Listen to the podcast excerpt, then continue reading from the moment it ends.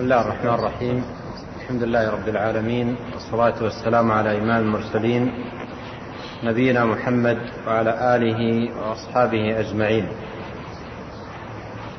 أما بعد في درس مضى عندما تكلمنا عن صفة الكلام لله عز وجل.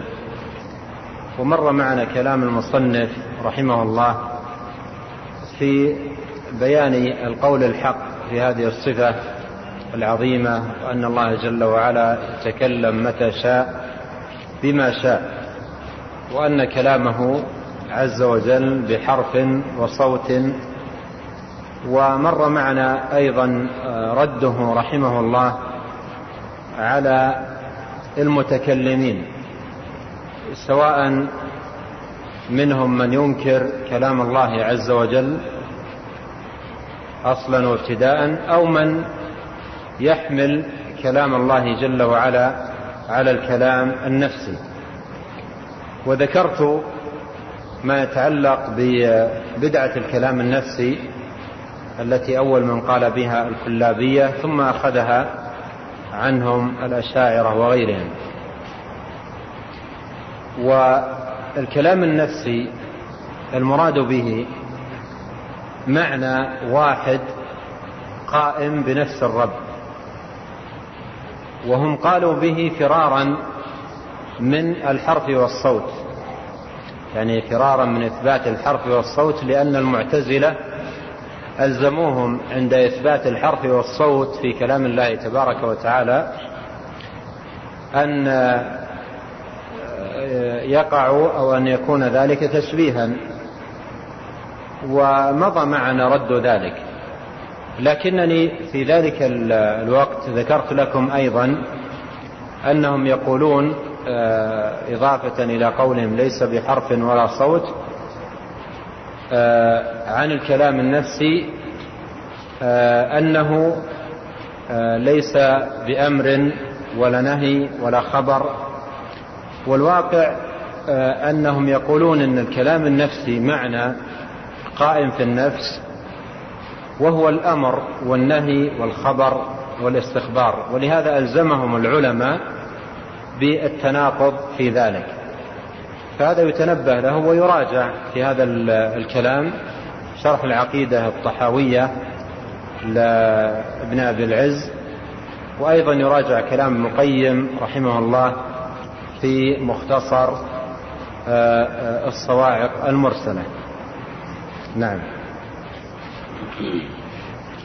بسم الله الرحمن الرحيم. الحمد لله رب العالمين والصلاة والسلام على أشرف الأنبياء والمرسلين وبعد.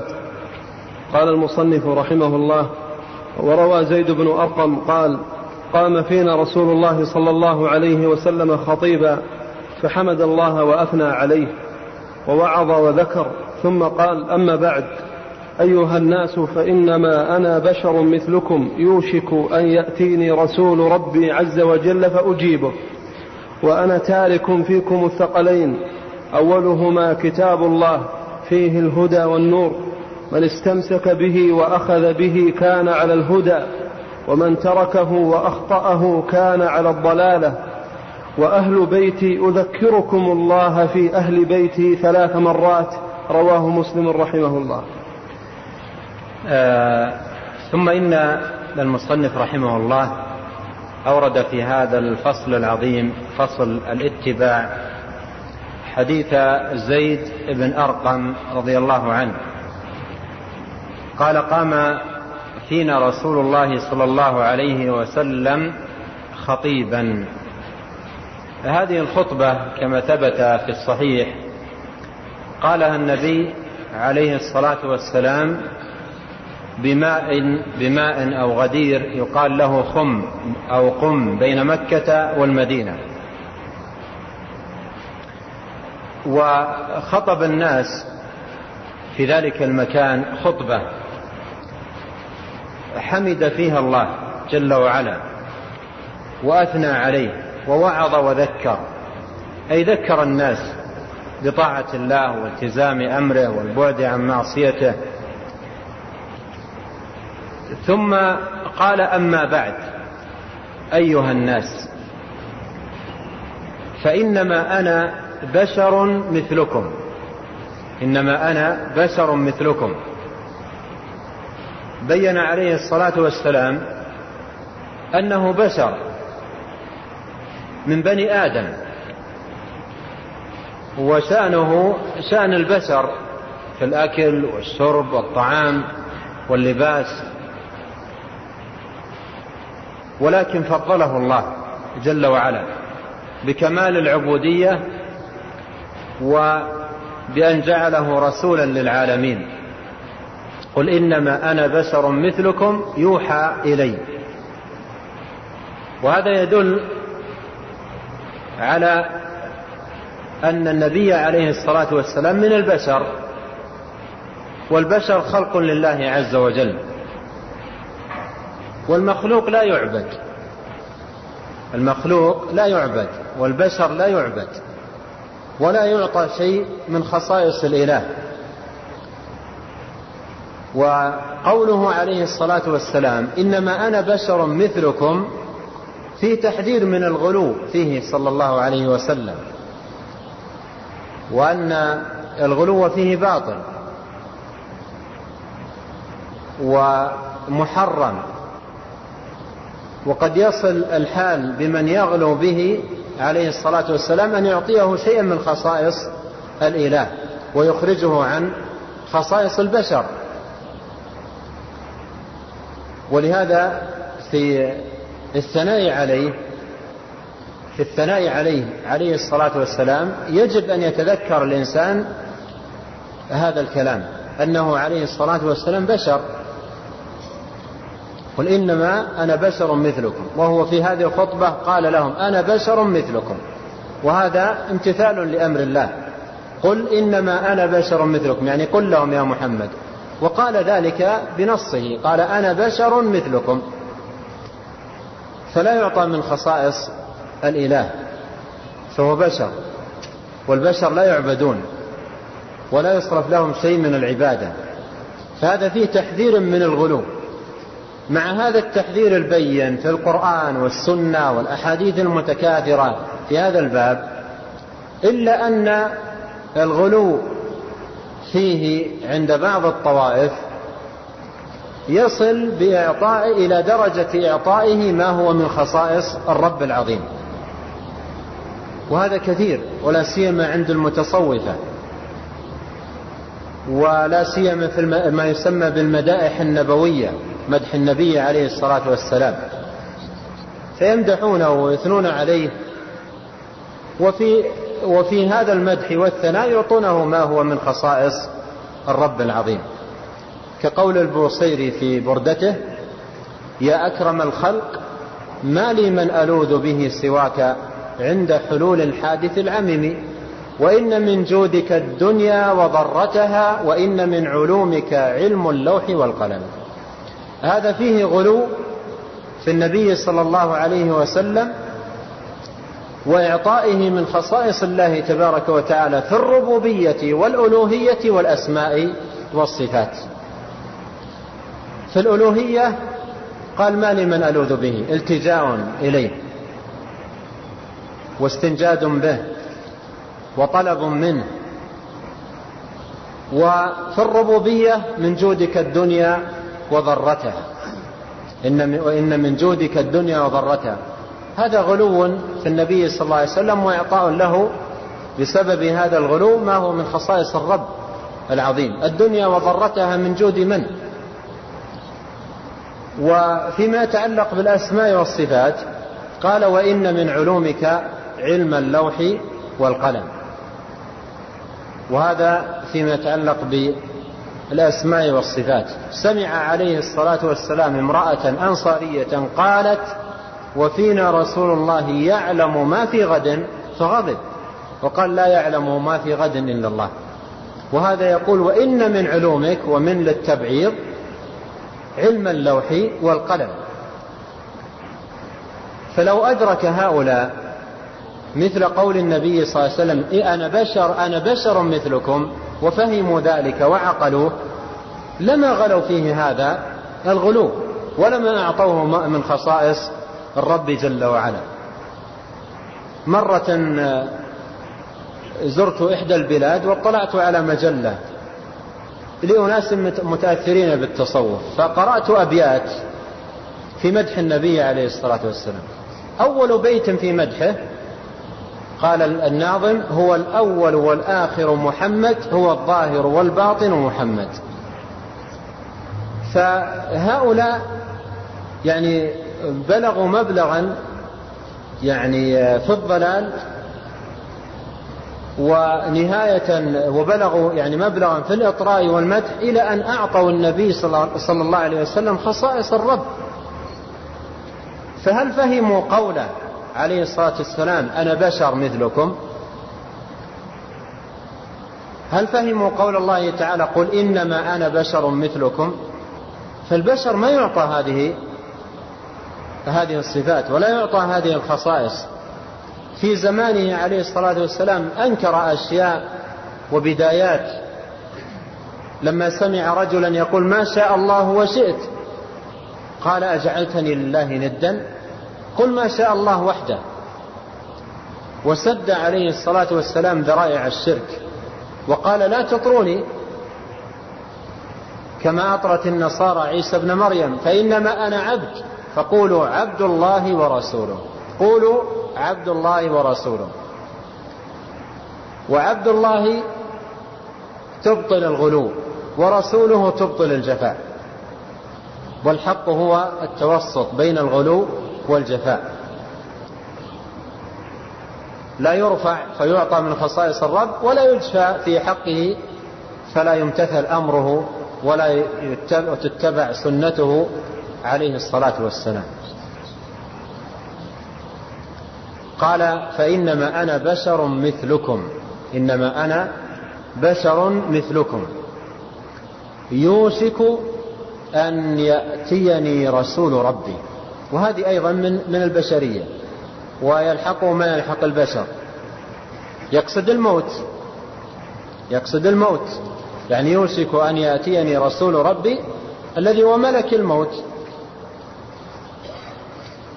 والله يقول إنك ميت وإنهم ميتون.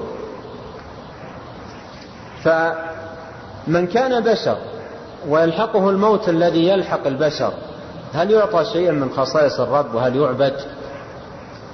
الله جل وعلا يقول وتوكل على الحي الذي لا يموت. وأبو بكر رضي الله عنه في خطبته لما مات النبي صلى الله عليه وسلم قال من كان يعبد محمدا فإن محمدا قد مات. ومن كان يعبد الله فإن الله حي لا يموت. فالعبادة والذل والخضوع حق لله سبحانه وتعالى لا يعطى لأي بشر. وأن المساجد لله فلا تدعو مع الله أحد. ولكن آه بسبب الضلال والجهل ودروس الدين وعدم فهمه يقع الناس بسبب الغلو والإطراء في صرف العبادة لغير الله وبإعطاء البشر أمورا من خصائص الله ولا سيما النبي الكريم عليه الصلاة والسلام. وهذا كله من الضلال البين. وهو, وهو عليه الصلاة والسلام حذر منه أشد التحذير. قل إنما أنا قال فإنما أنا بشر مثلكم يوشك أن يأتيني رسول ربي عز وجل فأجيبه. وأنا تارك فيكم الثقلين. لاحظوا هنا نصح أمته عليه الصلاة والسلام حيا وميتا. نصح أمته حيا وميتا. في حياته بذل وسعة. وجاهد في الله حق جهاده. وبلغ البلاغ المبين. ولما شعر بدنو أجله عليه الصلاة والسلام نصح أمته. هذه النصيحة البالغة. قال إني تارك فيكم الثقلين. أولهما كتاب الله. فيه الهدى والنور. ولهذا من ابتغى الهدى ومعرفة الخير وإصابته والوقوف عليه فهو في كتاب الله. فإما يأتينكم مني هدى. ومن أراد النور وهو الضياء وإبصار الطريق ومعرفة الحق فهو في كتاب الله. كذلك أوحينا إليك روحا من أمرنا ما كنت تدري ما الكتاب ولا الإيمان ولكن جعلناه نورا نهدي به من نشاء من عبادنا. فالهدى والنور في كتاب الله تبارك وتعالى. ومن التمس الهدى والنور في غير كتاب الله جل وعلا ضل من تمسك به وأخذ به كان على الهدى ومن تركه وأخطأه كان على الضلالة. ومن التمسك بكتاب الله التمسك بسنة نبيه عليه الصلاة والسلام. قال الله تعالى وما آتاكم الرسول فخذوه. وما نهاكم عنه فانتهوا. فالوصية هنا هي وصية بالكتاب والسنة. ومن لم يتمسك بسنة نبي الله صلى الله عليه وسلم لم يتمسك بكتابه. وقد جاء عنه عليه الصلاة والسلام أنه قال تركت فيكم ما إن تمسكتم به لن تضلوا كتاب الله وسنتي. وهنا يعني في هذا الحديث وإن لم ينص على السنة فهي داخلة. داخلة في الوصية آه، بكتاب الله تبارك وتعالى. قال وأهل بيتي وأهل بيتي أذكركم الله في أهل بيتي. وهذه وصية منه عليه الصلاة والسلام بأهل بيته بأن يعرف قدرهم وأن تحفظ مكانتهم. وأن لا يبغض أحد منهم وأن يقابلوا بالحب والدعاء والثناء. ولم يحفظ أحد هذه الوصية المباركة من النبي صلى الله عليه وسلم في أهل بيته إلا أهل السنة والجماعة. فهم الذين حفظوا وصية النبي صلى الله عليه وسلم في أهل بيته. وطبقوها كما أمر. عليه الصلاة والسلام. فعرفوا لأهل البيت قدرهم وعرفوا لهم مكانتهم وأحبوهم ودعوا لهم وترحموا عليهم وترضوا عنهم وتوسطوا فيهم بين الغلو والجفاء بين الإفراط والتفريط. ولهذا ليس أحد حفظ هذه الوصية إلا أهل السنة والجماعة. ولهذا يقول شيخ الإسلام في الواسطية رحمه الله يقول ويحبون أهل بيت رسول الله. يعني أهل السنة.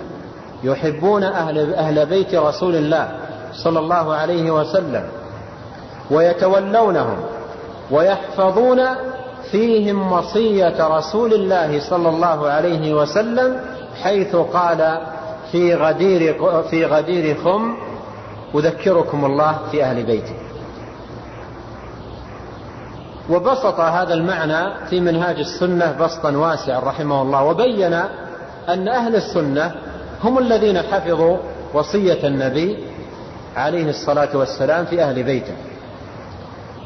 فهم يحبون أهل البيت ويتولونهم ويذكرونهم بالخير ويثنون عليهم ويترضون عليهم ولا يذكرونهم إلا بالخير وهم فيهم وسط بين الغلو والجفاء بين غلو الرافضة وجفاء النواصب. النواصب وقعوا في أهل البيت وطعنوا فيهم وأخذوا يتكلمون فيهم والروافض غلوا فيهم. ولهذا الخوارج والروافض ما حفظوا وصية النبي عليه الصلاة والسلام في أهل بيته. أولئك جفاة وهؤلاء غلاة فأين حفظ الوصية؟ ولهذا لم يحفظ وصية النبي عليه الصلاة والسلام في أهل بيته عندما قال أذكركم الله في أهل بيتي إلا أهل السنة والجماعة. وأهل السنة والجماعة دائما في كل الأمور وسط. وسط عدول بين الغلو والجفاء والإفراط والتفريط. وأما من سواهم فهو في أحد طرفي النقيض إما الجفاء أو الغلو. في هذا الباب الجفاء تراه في النواصب. طعنوا في آل البيت وكفروهم وأخذوا يقعون فيهم ويلعنونهم ووقعوا في عظائم تجاه أهل البيت. والغلو في الروافض. غلوا في أهل البيت وأعطوهم أمورا كثيرة من خصائص الله. وادعوا فيهم أنهم يعلمون الغيب. وادعوا فيهم أنهم يتصرفون في الكون. وادعوا فيهم أمور كثيرة هي من خصائص الله. هل حفظوا وصية النبي عليه الصلاة والسلام في أهل البيت؟ ما حفظوا لما أوصى النبي عليه الصلاة والسلام بأهل البيت هل أراد أن يعطوا خصائص الرب وأن يعبدوا من دون الله وأن يجعلوا شركاء مع الله تبارك وتعالى في العبادة؟ حاشا وكلا. ولهذا لم يحفظوا وصية النبي عليه الصلاة والسلام في أهل بيته. والرافضة لهم في هذا اليوم يوم غدير خم لهم انحراف متزايد مبني على هذا الغلو. الغلو في أهل البيت. ولهذا يتخذون هذا اليوم عيد. ويجتمعون فيه على الضلال والزيغ والانحراف والغلو في أهل البيت. ورفعهم فوق مكانتهم وإعطائهم من خصائص الرب.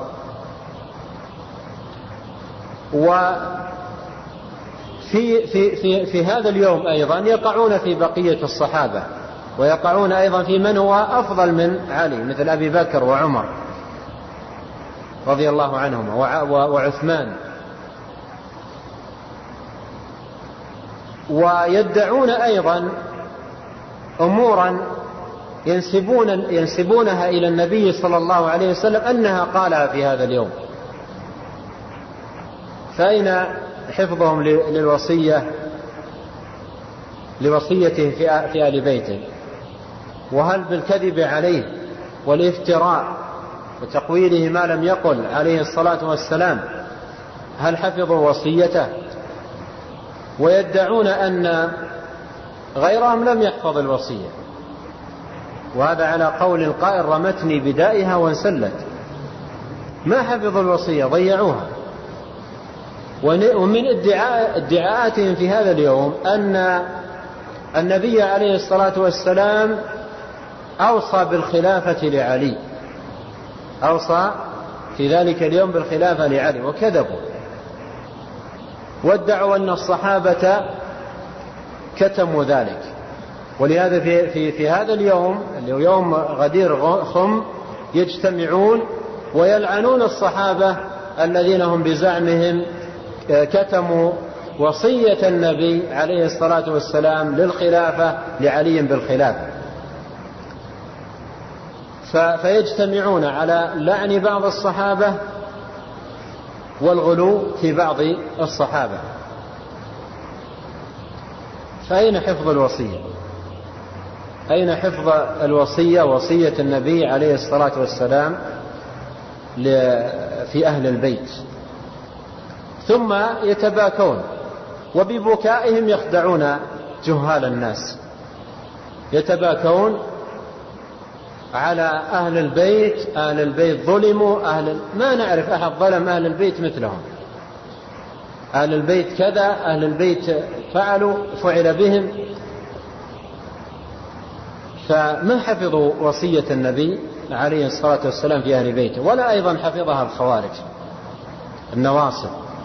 الذين حفظوا وصية النبي في أهل بيت أهل السنة اعتدال وتوسط ومعرفة لقدر أهل البيت وثناء عليهم ودعاء لهم ومعرفة لقدرهم ومحبة ويتولونهم. حفظوا وصية النبي عليه الصلاة والسلام في أهل البيت. قال وأهل بيتي أذكركم الله في أهل بيتي ثلاث مرات. وهذا يبين عظم قدر أهل البيت ورفعة مكانتهم. والوالد حفظه الله صدرت له رسالة آه، في هذا الباب بعنوان فضل أهل البيت ومكانتهم عند أهل السنة والجماعة. وساق آه، فضائل أهل البيت في القرآن فضائلهم في السنة آه، فضائلهم عند الصحابة فضائلهم عند أئمة السلف وأخذ يسوق فضائل أهل البيت عبر التاريخ. إلى أن جاء عند شيخ الإسلام محمد بن عبد الوهاب رحمه الله وبين ثناء الشيخ محمد عليه على أهل البيت ومن شدة حبه لآل البيت رحمه الله أكثر أبنائه إن لم يكن كلهم إلا واحد سماهم بأسماء آل البيت. سمى الحسن والحسين وفاطمة وإبراهيم وعبد الله وهؤلاء كلهم من أهل البيت. بيت النبي عليه الصلاة والسلام. إلا أظن عبد العزيز. وإلا أسماء أولاده كلهم الذكور والإناث أسماء أهل البيت. وأهل الضلال يدعون أن شيخ الإسلام محمد بن عبد الوهاب وأتباعه يكرهون آل البيت. وحتى أسماء آل البيت باقية في أبناء الشيخ وذريته إلى وقتنا هذا. الحسن والحسين هذه ليس ماذا منتشر في أسرة آل الشيخ وأظن البداية منه من معرفته لقدر آل البيت. فأهل السنة حفظوا حفظوا لأهل البيت مكانتهم وعرفوا لهم قدرهم ويحبونهم ويتولونهم ويثنون عليهم وفي قلوبهم يعتقدون فضلهم ومكانتهم وقدرهم لكن ما في غلو ولا أيضا في جفاء ما في إفراط ولا, ولا تفريط. والوالد حفظه الله ذكر في كتابه أنه سمى أيضا عددا من أبنائه بأسماء للبيت سمى الحسن والحسين وفاطمة وسمى عدد من أبنائه بأسماء البيت. وهذا شيء معروف يعني عند أهل السنة في القديم والحديث. لكن الغلاة ما يرضيهم إلا الغلو ولا يعجبهم إلا آه، آه، آه، الإطراء الزائد عن الحد. ولهذا من يقرأ يعني كلام خاصة الرافضة في آل البيت في كتبهم المعتمدة يرى فيهم غلوا عجيبا في, في آل البيت أنهم يعلمون الغيب وأنهم يعلمون متى يموتون وأنهم لا يموتون إلا بإذنهم وأنهم يعلمون ما كان وما يكون وأنهم يتصرفون في الكون وأن هذا هو يعني بزعم حب حب آل البيت. ومتى كان الشرك علامة على الحب لآل البيت؟ الشرك بالله العظيم علامة على الحب لآل البيت. آه، فيعني هذه آه، هذه الوصية المباركة العظيمة التي قالها النبي صلى الله عليه وسلم في هذا المقام الكريم لا نعلم أحدا حفظها سوى أهل السنة والجماعة رحمهم الله.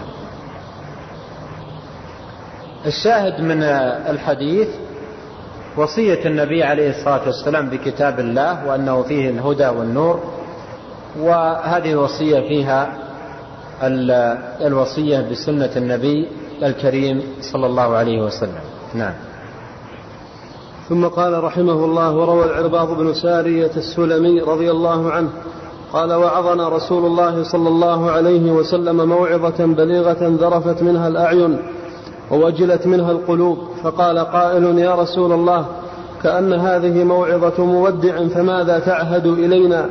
قال أوصيكم بتقوى الله تعالى والسمع والطاعة وإن كان عبدا حبشيا فإنه من يعش منكم بعدي فسيرى اختلافا كثيرا.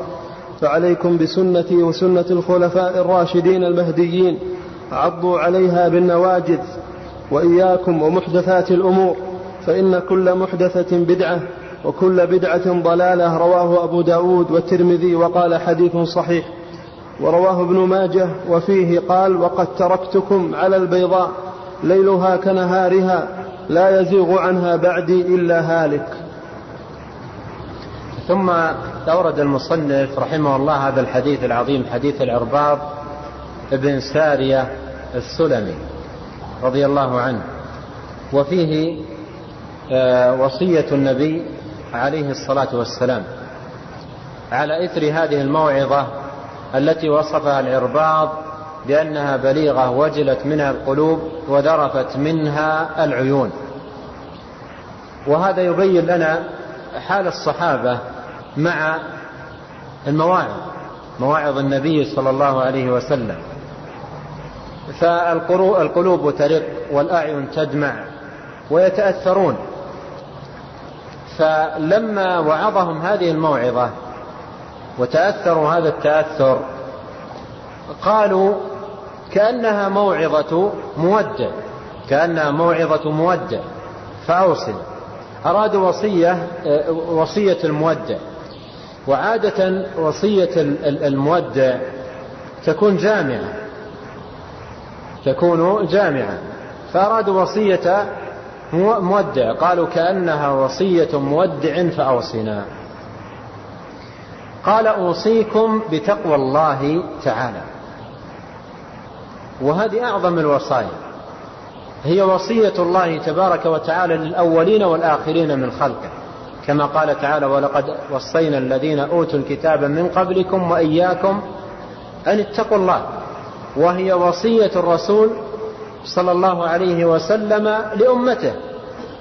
قد مر معنا آه، أن النبي عليه الصلاة والسلام لا لم يمر معنا لكن جاء في, في, في بعض الأحاديث أن النبي صلى الله عليه وسلم إذا أمر أميرا في سرية أوصاه في خاصة نفسه بتقوى الله وبمن معه من المسلمين خيرا. وهنا لما سألوه الصحابة عن وصية بدأ بالوصية بتقوى الله. وتقوى الله هي أن يجعل العبد بينه وبين ما يخشاه من سخط الله وعقابه وقاية تقيه وهذا إنما يكون بفعل الأوامر وترك النواهي. ولهذا من أحسن ما عرفت به التقوى قول طلق بن حبيب رحمه الله تقوى الله أن تعمل بطاعة الله على نور من الله ترجو ثواب الله. وأن تترك معصية الله على نور من الله تخاف عقاب الله. وقد وقفت لشيخ الإسلام وتلميذه ابن القيم والذهبي وابن رجب على ثناء على هذه الوصية وأن أحسن على ثناء على هذا التعريف وأنه أحسن تعريف عرفت به التقوى. والسمع والطاعة يعني لمن تأمر. والسمع والطاعة لمن تأمر على الناس وكان أميرا عليهم. وإن كان عبدا حبشيا إذا استتب له الأمر وأصبحت بيده الإمارة فلا يجوز للمسلم أن يفتات عليه. وما ثم إلا السمع والطاعة. وإن كان عبدا حبشيا. ودلت النصوص على أن الطاعة بالمعروف ولا طاعة لمخلوق في معصية الخالق. ثم قال فإنه من يعش منكم فسيرى اختلافا كثيرا. وهذا من دلائل نبوته عليه الصلاة والسلام. يخبر عن أمور مغيبة وتقع كما أخبر عليه الصلاة والسلام. وهذا نظير قوله في الحديث الآخر وستفترق هذه الأمة على ثلاث وسبعين فرقة كلها في النار إلا واحدة.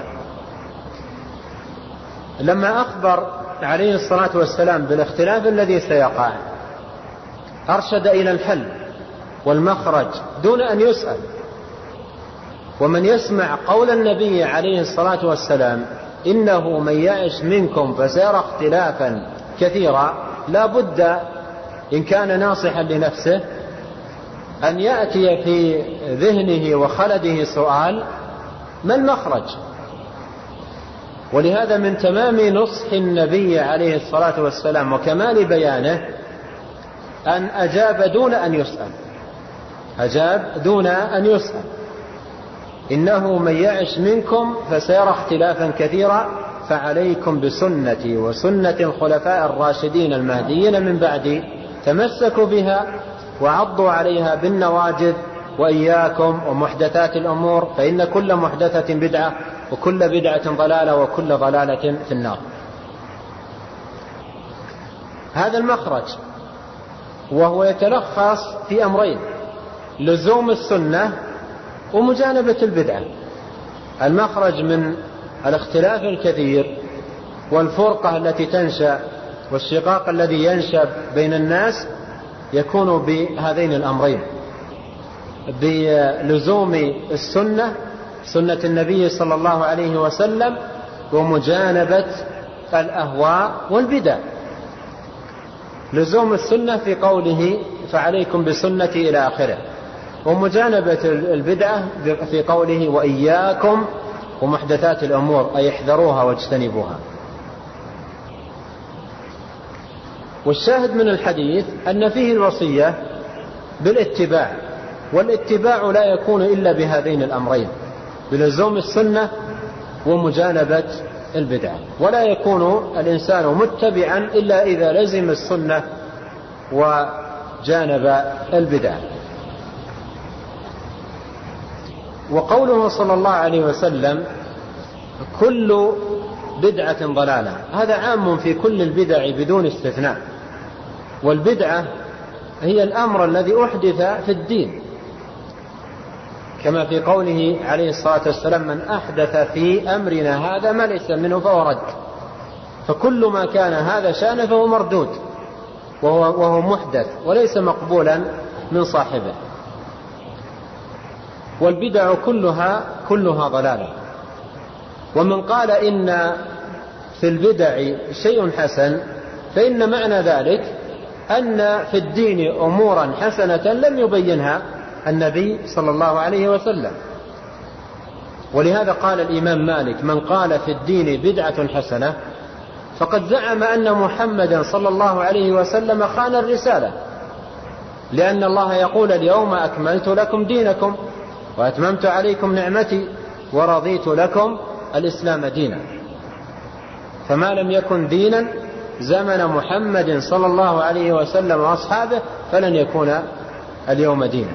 ولن يصلح آخر هذه الأمة إلا بما صلح به أولها. فالبدع كلها ضلالة والدين تام عقيدة وعبادة وأخلاقا. ولم يبق إلا الاتباع. ولهذا كان شأن الصحابة الاتباع وسيأتي قول أبي بكر وقول ابن مسعود وأقوال أخرى في حال الصحابة أنهم ما عندهم إلا الاتباع. ولو نظرت في حال من يستحسنون البدع أو كثير من البدع ترى أن عشرات ومئات السنن الثابتة بالأحاديث الصحيحة الصريحة مهجورة عندهم ومتروكة ولا يعملون بها. فهل طبقوا السنن كلها والصحيحة كلها والثابت عن النبي عليه الصلاة والسلام فلم يكفهم فشرعوا في البدع؟ أم أن بدعهم هذه فضلوها على سنته؟ إن لم يكونوا فضلوها على سنتي فما بالهم يهجرون سنته وينهمكون في هذه البدع؟ بل إن بعضهم يدع بعض الفرائض يدع بعض الفرائض ولا يفوت بعض البدع وخاصة البدع الموسمية. البدع الموسمية وخاصة التي فيها أيضا استرواح للنفس ومتع من متع الدنيا وربما أحيانا بعض الطبول وبعض الأشياء المسلية هذه ما تفوت. ومن يتركها ولا يحضرها لا يحب النبي عليه الصلاة والسلام مثل المولد لا يحب النبي عليه الصلاة والسلام. ولو كان محافظا على الفرائض محافظا على السنن. والذي يخالف السنة ويترك الفرائض ويترك ويقع في بعض المخالفات لكنه يحضر هذا هو المحب. فأصبحت المعيار في صدق المحبة البدع وليست السنة. وهذا من قلب الحقائق. وهذا مما جاء في بعض النصوص آه، يصبح المنكر معروفا والمعروف منكر. فما يكون الاتباع ما يكون الاتباع إلا بالأمرين لزوم السنة ومجانبة البدعة والبعد عنها. قال وإياكم محدثات الأمور فإن كل محدثة بدعة وكل بدعة ضلالة. رواه أبو داود والترمذي وقال حديث صحيح ورواه ابن ماجه وفيه قال وقد تركت وقد تركتكم على البيضاء ليلها كنهارها. البيضاء يعني الواضحة. تركنا على السنة البيضاء يعني واضحة ظاهرة بينة لا خفاء فيها ولا لبس. لا يزيغ عنها بعدي إلا هالك يعني إلا من كتب الله عز وجل عليه الهلاك. نعم. وروى أبو الدرداء رضي الله عنه قال خرج علينا رسول الله صلى الله عليه وسلم ونحن نذكر الفقر ونتخوفه فقال الفقر تخافون والذي, والذي نفسي بيده لتصبن الدنيا عليكم حتى لا يزيغ قلب أحدكم إن أزاغه إلا هي. وأيم الله قد تركتكم على البيضاء ليلها ونهارها سواء. قال أبو الدرداء صدق رسول الله صلى الله عليه وسلم تركنا على مثل البيضاء ليلها ونهارها سواء. رواه ابن ماجه. ثم أورد هذا الحديث حديث أبي الدرداء عند ابن ماجه وهو بمعنى الحديث السابق. خرج النبي صلى الله عليه وسلم على الصحابة وهم يتذاكرون الفقر ويتخوفونه. فقال عليه الصلاة والسلام الفقر تخافون؟ يعني هل تخافون من الفقر؟ والذي نفسي بيده لتصبن الدنيا عليكم. يعني يوسع عليكم في الرزق. وهذا أيضا كسابقه من علامات نبوته. عليه الصلاة والسلام أخبر عن أمور ستقع ووقعت. كما أخبر وطبقا كما لقوله عليه الصلاة والسلام. قال لتصبن عليكم الدنيا. وفعلا ما مضى وقت يسير إلا وجاءت كنوز الدنيا إلى الصحابة ملك الروم وغيرهم وكانت تقسم بين الصحابة. قال الفقر تخافون والذي نفسي بيده لتصبن الدنيا عليكم حتى لا يزيق قلب أحدكم إن أزاغه إلا هي. يعني الدنيا والركون إليها والأموال والتكالب عليها وشغل الأوقات بها. فهذا الذي يزيغ قلب الإنسان. والزيغ له أسباب. الزيغ له أسباب. ومن أسبابه الافتتان بالدنيا. وأن تكون هي أكبر هم الإنسان. حتى يبلغ الحال ببعض الناس أن يكون عبدا للدينار وعبدا للدرهم وعبدا للخميصة وعبدا للخميلة. الذين آه، ذكر خبرهم عليه الصلاة والسلام في الحديث تعس عبد الدينار تعس عبد الدرهم إلى آخر الحديث. فالدنيا من أسباب الزيغ وإذا التفت إليها الإنسان وأصبحت هي آه، آه، همه أزاغت قلبه. أزاغت قلبه وأصبحت أصبحت هواه وأصبحت معبودة. وأصبحت هي أكبر همه فقال حتى لا يزيق قلب أحدكم إن أزاغه إلا هي. ثم نبه عليه الصلاة والسلام إلى ما ينبغي أن يهتم به.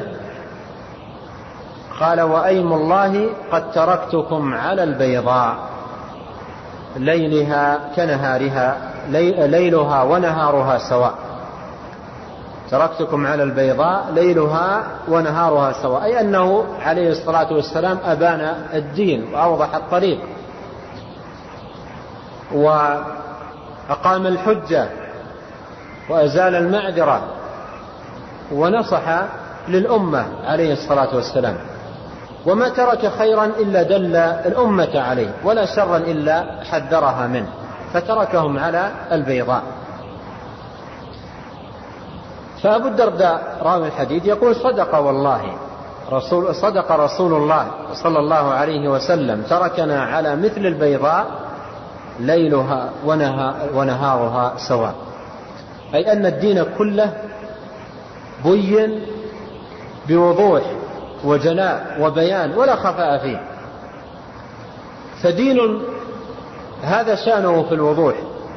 ما الذي يحوج أتباعه إلى الرغب عنه والاشتغال بغيره مثل ما يفعل أهل البدع. يهجرون هذا الواضح البين الظاهر ويشتغلون في الشبهات والأهواء ويتركون هدي النبي صلى الله عليه وسلم. فالحديث فيه بيان أهمية الاتباع وفضله. وعظم شأنه وأن النبي عليه الصلاة والسلام بين دين الله أتم البيان ولم يمت عليه الصلاة والسلام حتى أتم الله به الدين وأكمله وأنزل تبارك وتعالى في ذلك قوله قوله اليوم أكملت لكم دينكم وأتممت عليكم نعمتي ورضيت لكم الإسلام دينا. نعم. وروى أبو هريرة رضي الله عنه قال قال رسول الله صلى الله عليه وسلم إني قد خلفت فيكم ما لن تضلوا بعدهما ما أخذتم بهما أو عملتم بهما كتاب الله وسنتي ولن يتفرقا حتى يردا على الحوض. رواه أبو القاسم الطبري الحافظ في السنن. ثم أورد هذا الحديث حديث أبي هريرة وهو عند أبي القاسم الطبري الحافظ المعروف باللالكائي صاحب شرح الاعتقاد. وهذا موجود في كتابه شرح الاعتقاد لكن إسناده ضعيف. وهو بمعنى ما سبق إني قد خلفت فيكم ما لن تضلوا بعدهما ما أخذتم بهما أو عملتم بهما كتاب الله وسنتي كتاب الله وسنتي. ولن يتفرقا حتى يردا على الحوض. وكما ذكرت هو بمعنى ما سبق وقوله في هذا الحديث ولن يتفرقا حتى يرد على الحوض لا أدري ما معناها فتنظر. والحديث آه، عند آه، الطبري إسناده اللي هو اللالكاء إسناده ضعيف كما نبه على ذلك المحقق. الشيخ. في النسخة هنا. في تنبيه. في النسخة هنا حتى يرد علي. علي أيوة. على كل حال لعلها تراجع إن شاء الله و نتكلم عنها في الدرس القادم. الآن بقي جملة من الآثار عن السلف في نفس المعنى ولعلكم تصبرون علينا قليلا فغدا إن شاء الله بعد العصر. والله أعلم وصلى الله وسلم على نبينا محمد.